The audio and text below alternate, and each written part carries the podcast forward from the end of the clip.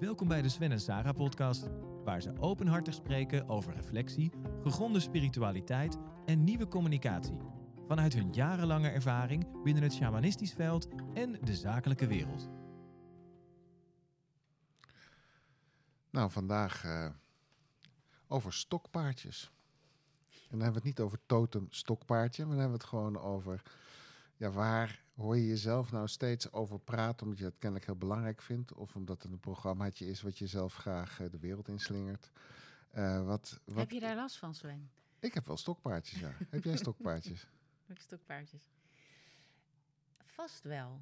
Ik heb nu niet een voorbeeld. Ik denk misschien over de kracht van de vrouw of zo, of dat soort dingen. Ja, daar kom ik wel.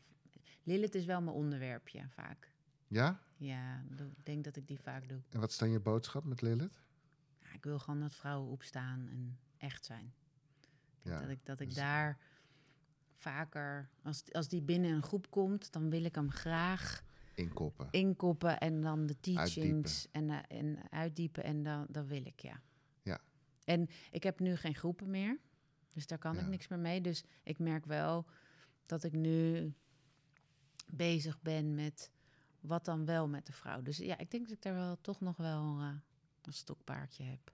Dat ik, En, dat en ik hou je daar... die vast als stokpaardje? Tuurlijk. Ja, heel, je- vasthou- heel vasthoudend. Blijf je vasthoudend gewoon dat stokpaardje berijden en eh, steeds weer die boodschap over Lilith en eh, de vrouw. eh, Nou, ik ben minder preacherig daarin. Ik ben minder, er komt minder emotie bij. Ik heb nu ook rust erin. Ik hoef niet nu mijn verhaal te doen, maar ik wil wel dat de vrouw gaat staan. Ik zou het leuk vinden om dat te zien in, in my time. Ja, ja. Nou, mijn stokpaardje, ik, ik, ik betrap mezelf er wel vaak op dat ik, maar dat is dan niet in een groep, maar dat is dan vaak buiten dat ik dan met jou zit te praten over ehm, de teachers of de begeleiders van deze tijd en hoe, hoe die snel en makkelijk zeg maar alles tot zich willen nemen. Nou ja, Ehm, heb ik wel eens gehoord. heb je alles gehoord, Ja. toch? Ja, wel. En wat vind je dan?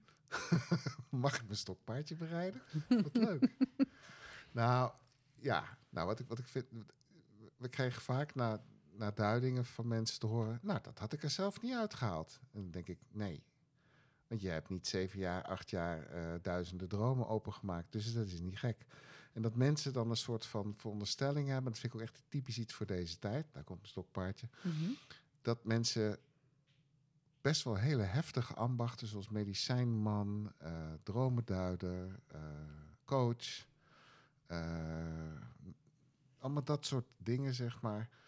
Ja, eventjes in een cursus van twee jaar liefst. Liefst nog anderhalf jaar willen leren. En ook vinden dat dat eigenlijk zou moeten kunnen.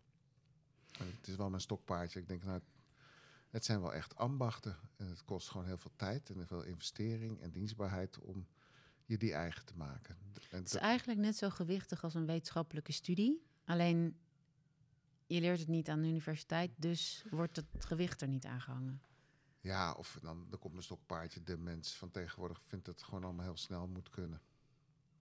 En begeleiders van deze tijd, veel begeleiders. Ik Ja, ken ook heel veel zei dat begeleiders. toch ook laatst? Die zei van, die werkt in, in zo'n leeromgeving, dat mensen studies van vier, vijf, zes jaar, nu kan het ook in drie jaar of in twee jaar. Ja, het is, ook, het is ook niet zo gek dat dat gebeurt. Want het, het, het, het, eerste universitaire opleidingen waren twaalf jaar en het moest ineens in vier jaar.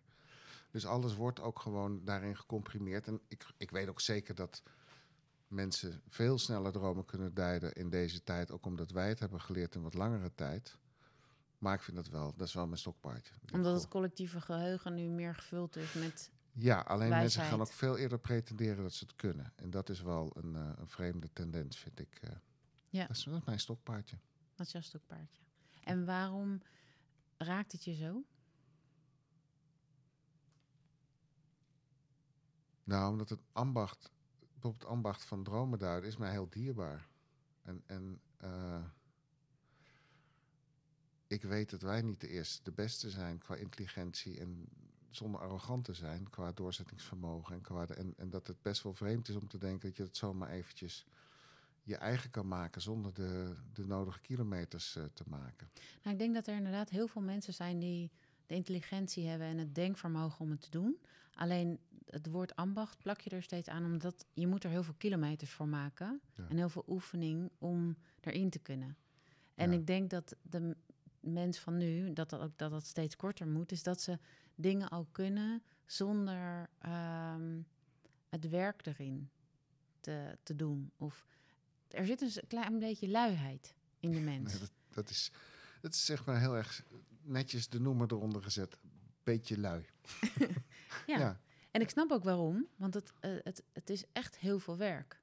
Ja. Elke keer als ik weer in een droom moet, dan denk ik... Enerzijds leuk en anderzijds denk ik, "J- het is wel heel veel werk. Ja. Dus ik snap het ook, dat mensen daar geen zin in hebben. Of dat ze doen alsof ze er geen tijd voor hebben. Of waarom zou je? Maar waarom is het belangrijk dat... Waarom zijn de die dromen je zo dierbaar? Waarom is die taal je zo dierbaar? Nou, omdat het de taal van het leven is. Als je de droomtaal en de magie van de droomtaal goed begrijpt. En jij, jij bent een van degenen die dat het meest begrijpt. Voor mij is het gewoon heel belangrijk dat, dat die intelligentie en de wijsheid die daarin zit, dat oppakken. Ja, dat is gewoon, dat is gewoon zo'n leerschool zo'n levensschool. Dat is niet zomaar een. is, het is iets anders dan ik doe een cursus NLP. Oh nee, toch niet. Ik doe toch eh, eh, praktijkgericht coachen. Dit is, gaat echt over iets wat veel wezenlijker is. Het gaat veel meer over een levenstaal. Het begrijpen van de diepte, de diepgang van het leven en hoe het leven met je praat. En begrijp daarin ook het wonder van het leven zien. Daarin ook de moeite nemen eh, om het wonder van het leven tot je te laten komen. En je over te verbazen. En ja, de moeite nemen, de toewijding hebben. Het gaat om toewijding. En ik ken best heel veel mensen die heel veel toewijding hebben hoor. Ik, bedoel, Mhm. ik ken ook echt mensen die ja, alles aan willen doen en het helemaal willen uitpluizen. Maar they're my kind of people. dat, dat zeg ik er wel bij. Dat Ja, je zijn- moet gewoon een beetje een nerd zijn Ja. om, dat, om er helemaal in te gaan, want het is gewoon heel veel tijd. Ja. En heel solistisch. Je kunt ook met elkaar duiden, maar dat kost heel veel tijd. En daar leer je wel van. Maar je moet gewoon ook ploegen in je Ja. eentje. En dat zijn we een beetje verleerd. Er We zijn niet zo, er zijn niet zoveel scholars meer, omdat de tijd zo snel gaat. Ja. Nou, moet- En, en is Lilith je enige stokpaardje dat jij kan achterhalen? Ik wilde nog iets zeggen over de dromen. Waarom Ja? ik dat belangrijk vind. Om, voor mij voelt het als de enige therapievorm die er niet vanuit gaat dat er iets mis is. Dus alle andere vormen van therapie gaan over wat is het probleem en hoe lossen we het op en hoe kunnen we het fixen. En Mhm. überhaupt al dat er iets mis is.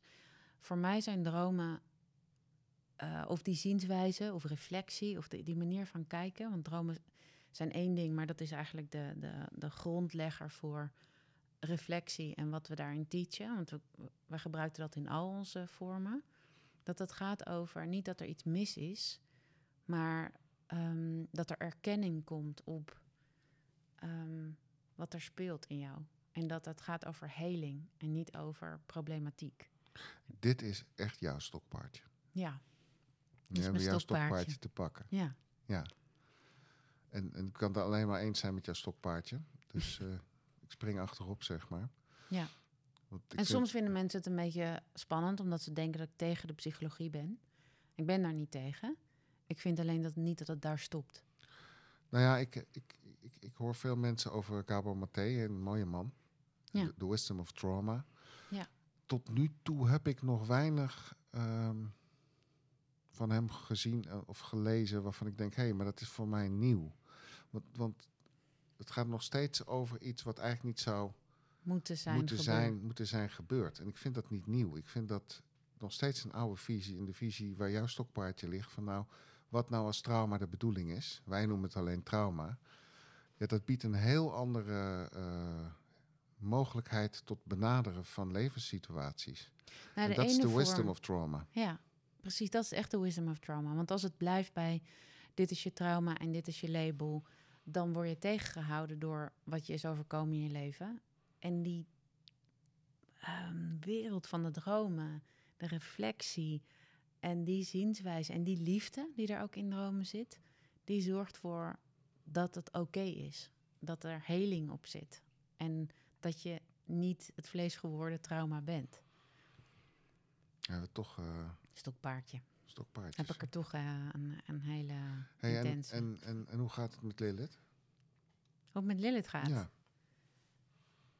Ik denk dat eh, dat toch een minder heftig stokpaardje is dan mijn, mijn helingverhaal over eh, ref- reflectie. Ja, hè? Ja, Ja. Ja. Het is minder belangrijk. maar ik vind Lilith wel belangrijk, want ik vind... Nee, maar zou Ik- het een stokpaardje achterwege laten en die andere pakken. Ja, dat zou ik ook doen. Ja? Je bedoelt een bezem. Oh, nee, nee. Nu gaan we niet in dat heksen ding, want Oh. dat is Lilith. Nee, Ik nee. dacht, ik Nee. Nee, ik vind die andere vind ik eh, interessanter. Over heling. Ja. Ja. Dankjewel. Dankjewel.